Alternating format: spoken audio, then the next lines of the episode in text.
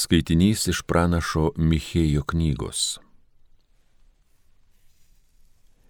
Viešpatie savo lasda ganyk savo tautą, avis nuo savasias, gyvenančias vienas dykyniai, derlingo šalies vidury. Te vėl jos ganysis bašane ir gileadė kaip kadaise. Kaip dienomis, kada tu vedėjai iš Egipto, leisk mums išvysti tavo stebuklų. Kas jei ne tu, yra Dievas, kuris kaltę atleidžia ir nusižengimą dovanoja likučiams tautos, kuri jo paveldėta. Ne visągi laiką tęsti supykęs, jis mėgsta parodyti gailestingumą. Ir vėl jis mūsų pasigailės, užminios mūsų kaltybę.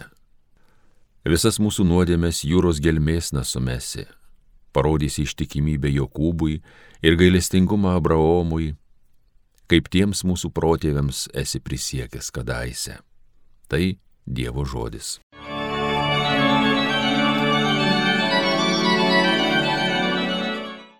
Viešpats švelnus maloningas. Tegu mano siela viešpati šlovina ir visa, kas yra manyje, te garbina jo šventą į vardą. Lai mano siela viešpati šlovina, lai neužmiršta, kiek jis man gerą padarė viešpats švelnus maloningas. Jis man kaltes dovanoja, gydo mano silpnybės, nuo pražūties gelbsti mano gyvybę, gaili manęs ir puošia mane savo malonę. Viešpats švelnus maloningas. Ne visą laiką jis baras, neamžina jis į širdis, ne pagal mūsų kaltybės mums moka, nebaudžia mūsų, kiek verti esam. Viešpats švelnus maloningas. Kaip nepasiekiamai aukštas dangus viršum žemės, taip yra didis jo gailestingumas.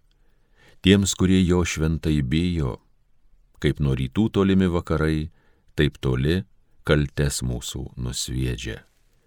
Viešpats švelnus maloningas. Garbė ir šlovė tau viešpatie Jėzau. Kelsiuos eisiu pas tėvą ir sakysiu, tėve, nusidėjau dangui ir tau. Garbė ir šlovė tau viešpatie Jėzau. Iš Evangelijos pagal Luką. Pas Jėzų rinkdavosi visokie muitininkai ir nusidėjėliai jo žodžių pasiklausyti. O fariziejai rašto aiškintojai murmėdavo sakydami, šitas priima nusidėjėlius ir su jais valgo. Tuomet Jėzus pasakė jiems palyginimą. Vienas žmogus turėjo du sūnus. Kartą jaunesnysis tarė tėvui. Tėve, atiduok man priklausančią palikimo dalį. Tėvas padalijo sūnums turtą. Netrukus jaunėlis susijęs savo dalį iškeliavo į tolimą šalį. Ten palaidai gyvendamas išeikvojo savo lobį. Kai viską išleido, toje šalyje kilo baisus badas ir jis pradėjo stokoti. Tada nuėjo pas vieną šalies gyventoją ir stojo jam tarnauti. Tasai jį pasiuntė į laukus keulių ganyti. Jis geidė prikimšti pilvą bent anksčių jovalo, kurį ėdė keulės, tačiau nie to jam neduodavo. Tada susimastė ir tarė, kiek mano tėvo samdinių apščiai turi duonos, o aš čia mirštu iš bado. Kelsiuos eisiu pas tėvą ir sakysiu, tėve, nusidėjau dangų ir tau, nesu vertas vadintis tavo sunumi, priimk mane bent samdiniu. Jis pasiryžo ir iškeliavo pas tėvą. Tėvas pažino jį iš tolo, labai susigaudino, pribėgo prie jo puolį ant kaklo ir pabučiavo, o sunus prabilo, tėve nusidėjau dangų ir tau, nebesu vertas vadintis tavo sunumi. Bet tėvas įsakė tarnams, kuo greičiau atneškite geriausią drabužį ir apvilkite jį.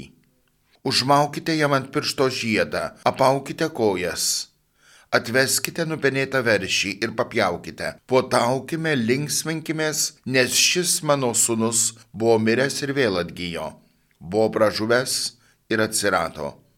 Ir jie pradėjo linksmintis.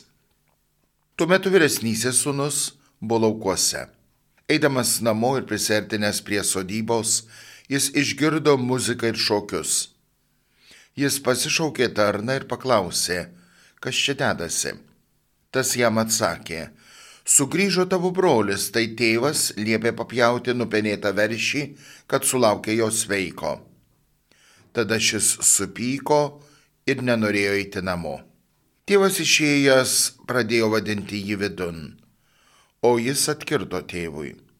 Štai jau tiek metų tau tarnauju ir niekad tavo įsakymų neperžengiau. O tu man nie karto nesi davęs nie ožiuko pasilinksminti su draugais.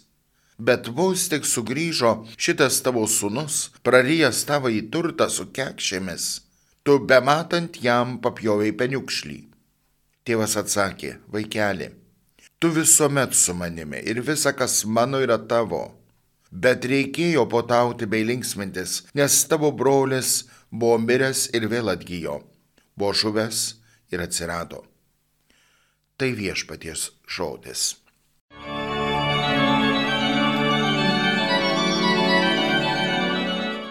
Brangus broliai ir seserys, mėly Marijos radio klausytojai. Matyt, ne vieną ir ne vieną dešimtį kartų esam girdėję šį palyginimą iš Luko Evangelijos, vienintelėje vietoje mums Evangelijos palikta, bet labai populiarų tiek mene, tiek biblistikoje, tiek komentaruose, įvairiuose pokalbiuose. O jau ką kalbėti apie, jeigu kalbam apie gailestingumą, apie susitaikinimą, apie atgailos malonę ar atgailos sakramentą, tai be šio palyginimo matyt, nei vienas komentaras neapseina. Esam girdėję matyt daug komentarų šitos Evangelijos ištraukos ir Tikrai nepretenduoju nieko naujo pasakyti, nes tiek knygų, tiek konferencijų, tiek pamokslų, tiek homilijų prisakyta šią temą, kad vargiai mano menkas ir nedidelis protelis galėtų čia ką nors naujo išrasti. Bet priminsiu, kad Dievo žodis yra gyvas. Todėl jis veikia dabar čia su mumis. Ir man, ir jums, kurie klausot, nori prakalbėti. Net ir tūkstantį kartų girdėtas, bet nori mus prakalbinti. Gavėnios laikas, dar net neįpusėjom jos, bet ji nenumaldomai lekia. Ir reikia kažkokius mažiau stiprius ar daugiau stiprius pertvarkymo darbus atlikti su savo gyvenimu, širdimi, savo mąstymu, savo gyvenimo būdu. Ši Evangelijos ištrauka, o prieš tai girdėta pranašo Michėjo pranašystės dalelė įvardina vieną labai svarbų dalyką gavėniai - priimti save kaip nuodėmingą žmogų.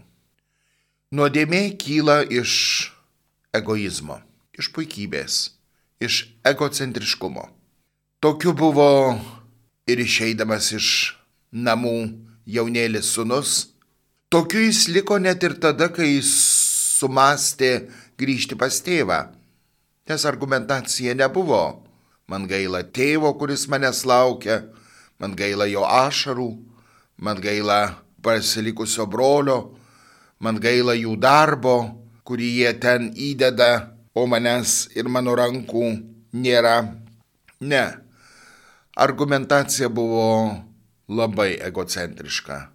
Aš neturiu ką valgyti, o ten aš atrasiu, ką valgyti. Ne dirbti, ne padėti, ne gailėtis, bet ką valgyti. Ir štai vyresnysis lygiai taip pat. Nepriimsiu brolio sugrįžusio, nes man kažkas kažko nedavė, kažkas kažko pagailėjo, kažkam net tėvui pagailo ožiuko, kad galėtumėm išsikepti gardų šašlyką. O tėvas čia ateina su didžiausia pamoka abiems savo sunums. Aš jūsų laukiu, aš jūs myliu ir myliu tokius, kokie esat. Myliu tokius su jūsų nuodėmėm, su jūsų egocentriškumu, su jūsų nuodėmingumu, su jūsų puikybė. Ir priimu jūs tokius. Taip, labai norėčiau, kad jūs keistumėtės.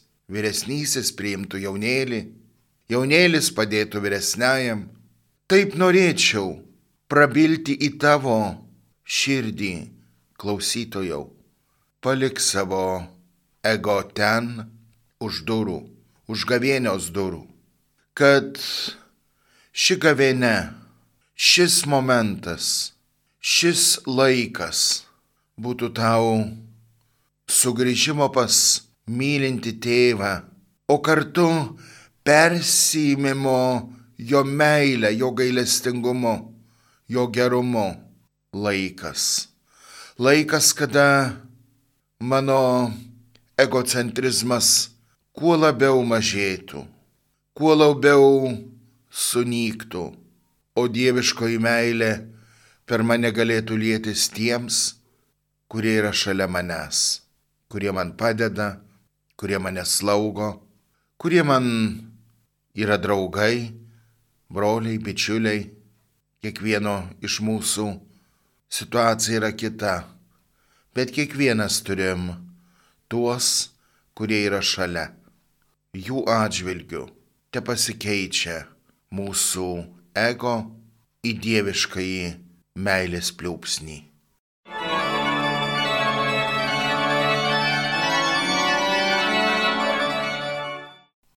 Homilija sakė kunigas Arūnas Kesilis.